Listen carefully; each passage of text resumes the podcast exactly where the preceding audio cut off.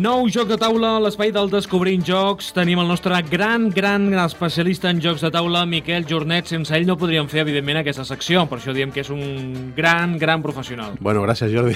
Home, sense tu no hauria Descobrint Jocs. I, i sense clar. tu també. No, més aviat... Bueno, sense tu segur que no. Vale, vale. Uh, I els seguidors, evidentment, molta gent que ens escolta a través de la pàgina web de radiosantandreu.com, a través del podcast, uh, també de Reservoir Jocs. Uh, vaig trobant gent, a vegades, eh? Ostres, escoltat en un podcast sobre jocs de taula, mira, mira. no? Sí, sí. Jo dic, sí, sóc jo. Sí, sí, sí. Oye, que... Però qui en sap és el Miquel, no? Vaig anar a un campionat de Carcassonne i per la veu em va dir tu fas el... eh, I dic, hòstia, mira, m'han reconegut per la veu. I mira que jo en viu no sono igual que amb la ràdio. Nosaltres tampoc, eh? Això Ja, diuen, això sí, diuen. sí. Uh, Miquel Jornet, avui nou joc de taula, joc nou, eh, del 2017, uh, joc doncs, que està traduït, T'ho dic perquè a vegades també dels comentaris és, ostres, que parlen Miquel d'uns jocs que no els trobem. Intento portar... Dic, és que el millor, Miquel s'avança a vegades. Eh, Quatre que es, que es poden aconseguir fàcil i un que a lo millor és d'importació, una mica més antic, per, per tenir una mica de tot. O jocs que has parlat en el seu moment, que no eren coneguts i després ja eh, són bestsellers. És Eh? que Vull ara que... quasi s'edita tot en castellà. Eh? O sigui, Gràcies a aquest espai. sí, segur. Ens escolten i diuen, ostres, eh, el publiquem, no? Sí, sí, clar. Ja veig l'Oriol Comas trucant. Ostres, hem parlat d'aquest joc a... Des d'aquí una abraçada ben forta. Sí, sí, Ara sí. que és protagonista també d'una novel·la, eh? Sí, sí, la, està molt content. novel·la del Mario Serra, la novel·la de Sant Jordi, que per cert, a tu t'agradaria molt, Miquel, perquè parla també dels, dels jocs, Dels eh? jocs, sí, sí, sí. I que se- serà una sèrie, eh? Ah, sí? Serà una sèrie. Ah, Parla de l'Eleusis, suposo, que és el joc de l'Oriol Comas. Evidentment, evidentment. Miquel, quin joc és el que ens proposes avui, després d'aquesta falca publicitària sense cobrar que hem fet? No, no, no, no és el joc que li agrada a l'Oriol Comas, eh? No, jo dic del llibre i tot ah, també, vale, tot sí, sí, plegat. Sí. Vale, vale. Eh, mira, avui parlarem de Majesty, eh, la corona del reino. És un joc de 2017, com has dit abans. No té res que veure amb l'hotel, no? Amb el Majesty, no. Ni cap pacte ni Res, res, no haurem de fer pactes aquí. Quin és l'autor? Marc André, que és eh, un autor reconegut... Ter Stegen? Sí, sí, és que sempre que ho dius, dius Ter Stegen. doncs és, eh, és un autor francès que és reconegut per Splendor, per Barony i ara també per aquest Majesty. O sigui, no és el porter del Barça qui es dedica a fer jocs de taula, eh? No, no. Uh, L'artista gràfic, Hate Sick, uh, editorial, de Vir, número de jugadors, de 2 a 4 jugadors, edat recomanable, eh, a partir de 7 anys, temps de partida, de 20 a 30 minuts. mecàniques que haurem d'utilitzar, Mira, és un joc de col·leccionar cosetes de set collection. En realitat el que col·leccionem són personatges d'una cort reial i és un joc de draft, que sé que aquesta paraula en anglès no agrada tant a gent com, per exemple, el Nano Márquez, que utilitza més la paraula tria. És un joc de tria de cartes o de draft de cartes. Està molt bé les il·lustracions, eh? Sí, sí, sí, sí. I, bueno, i els edificis també, ja veuràs, o sigui, està, està superbé. Uh, la nota, Mira, té ara mateix un 7 amb 1 en la Board Game Geek i el rànquing general està al 818 i en el de familiars està al 168. preu.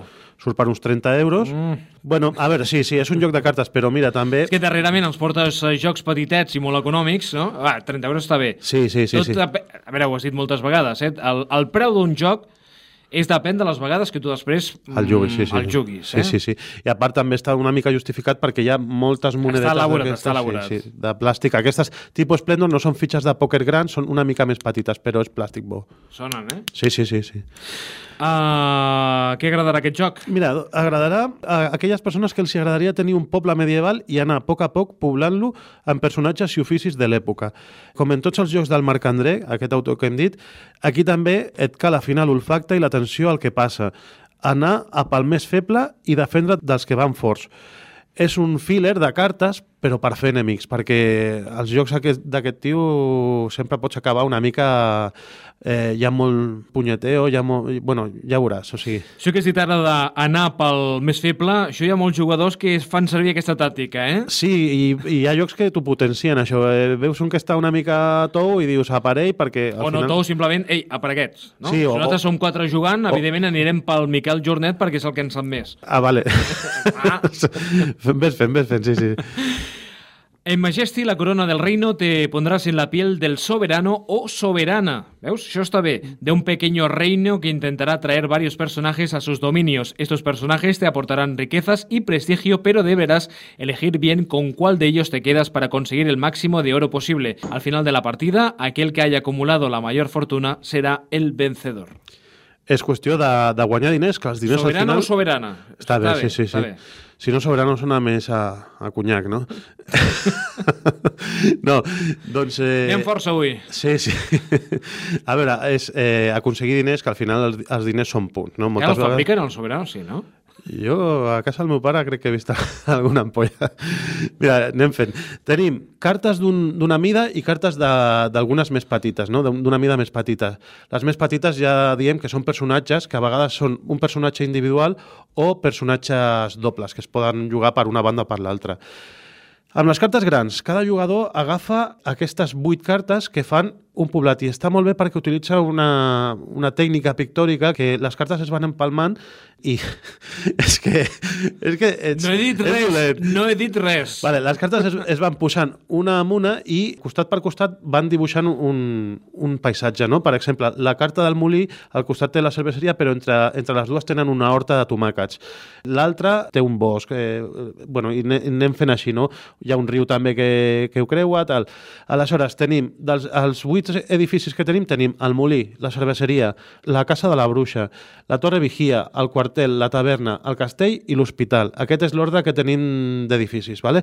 I després tenim, tenim una carta que ens indica que tenim 5 mipels d'entrada. 5 mipels són aquests rinos que són famosos del Carcassonne, però que ja estan a, a molts altres jocs, com aquest Majesty. No? Per tant, això qui, qui ho va inventar? El senyor que va inventar el Carcassonne? Mm, no es podria dir. Perquè, clar, eh, imagina't els drets d'autor que pot tenir, no? Eh, clar, eh, es diu Mipel, no sé si està registrat, realment no ho sé, però l'utilitza en molts jocs. No? Sí, la forma aquesta de ninotet. Igual abans del Carcassonne hi havia algun joc que ja ho tenia, però clar... Investigarem. El, el més popular és el Carcassonne, no? Aleshores, tot, tots tenim 5 Mipels d'entrada i tenim un carrusel de cartes, de 6 cartes que es posen aquí, que són personatges. Hi ha cavallers, hi ha la molinera, hi ha una princesa, eh, hi ha el cerveser... Vale? Aleshores, amb els Mipels el que fem és per l'extrem d'on no surten les cartes, d'on no hi ha la pila de cartes, podem anar col·locant Mipels a sobre de les cartes i ens aturem i agafem aleshores la següent que, que es queda sense Mipel. I aleshores l'hem de col·locar. Jo he agafat, per exemple, una doble que té un cavaller i una molinera. La puc col·locar com a molinera o la puc col·locar com a cavaller al quartell. Aquí es tracta de cada vegada que, que posem un personatge tindrem un, un benefici. Hi ha alguns personatges que, que donen benefici al que ho col·loca i també als altres. Hem, hem d'estar una mica pendents. Anem col·locant personatges, anem aplicant els seus beneficis i al final de la partida, quan, quan acaba la partida, quan un jugador acumula 12 personatges, es compten els punts. Els punts com van? Es va per majories de, de moliners, per majories de cervesers, qui té la majoria es porta els punts que diu aquí la carta. I després es compta el número de personatges i es multiplica, eh, per exemple, si, ti, si tens 6 personatges diferents, comptes 6 per 6 i et dona 36 monedes. Si tens 7, te, te, multipliques 7 per 7, 49, i, i tens eh, 49 monedes. Per tant, aquí hi ha unes decisions que has de prendre. Què fas? T'especialitzes molt en agafar eh, personatges, per exemple, et fas molts eh, cavallers i, i tens el quartell a tope, o en comptes d'especialitzar-te, diversifiques per després eh, acumular aquest, eh, aquest, aquests punts que donen al final de la partida. Després, els cavallers poden atacar els altres, s'han de defendre amb els, eh, amb els de la torre vigia, la bruixa pot curar el, els, els que estan a l'hospital, eh, la reina dona molts punts, eh, el molí és molt bàsic, és el primer normalment que acaba caient quan li ataquen perquè és la població més feble. Aquí tenim tots, totes les classes socials representades amb aquest tauler de, de cartes. Per què s'han utilitzat les cartes? Podem pensar que s'ha fet per economitzar costos, però no, també està perquè tenen una cara A i si li donem la volta tenen una cara B que donen un joc una mica més potenciat, no? I el, el que diu l'autor, el Marc André, és que pots utilitzar la cara a les, a les partides més bàsiques, però després pots alternant i jugar amb uns edificis amb la cara A i amb la cara B o fins i tot jugar tots amb la cara B. Per tant, podem jugar a moltes, a moltes partides uh, en aquest uh, joc de, del Majesty, la Corona del Reino, uh, un poblat uh, medieval, Uh, farem de soberano o de soberana. Correcte, sí, això t'ha agradat. uh, de dos a quatre jugadors, temps de partida entre 20 i 30 minuts, per tant està força bé. Quina és la música que avui uh, ens proposes? Doncs mira, com estan representades totes les classes socials, si hi ha taxi, defensa i tot això, un grup alemany que es diu Die Totenhausen i una cançó que es diu Venceremos. Eh, és un grup que és un grup eh, comunista mm, alemany. Déu-n'hi-do, la tria d'avui. Feiner salsa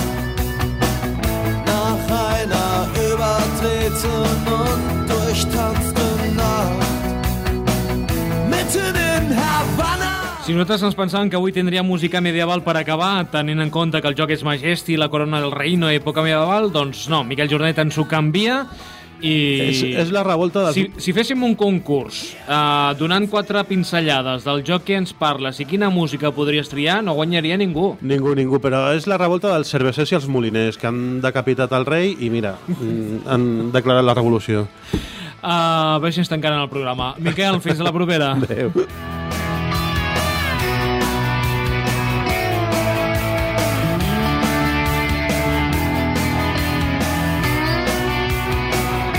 Den Tabakfeldern in Richtung Pina de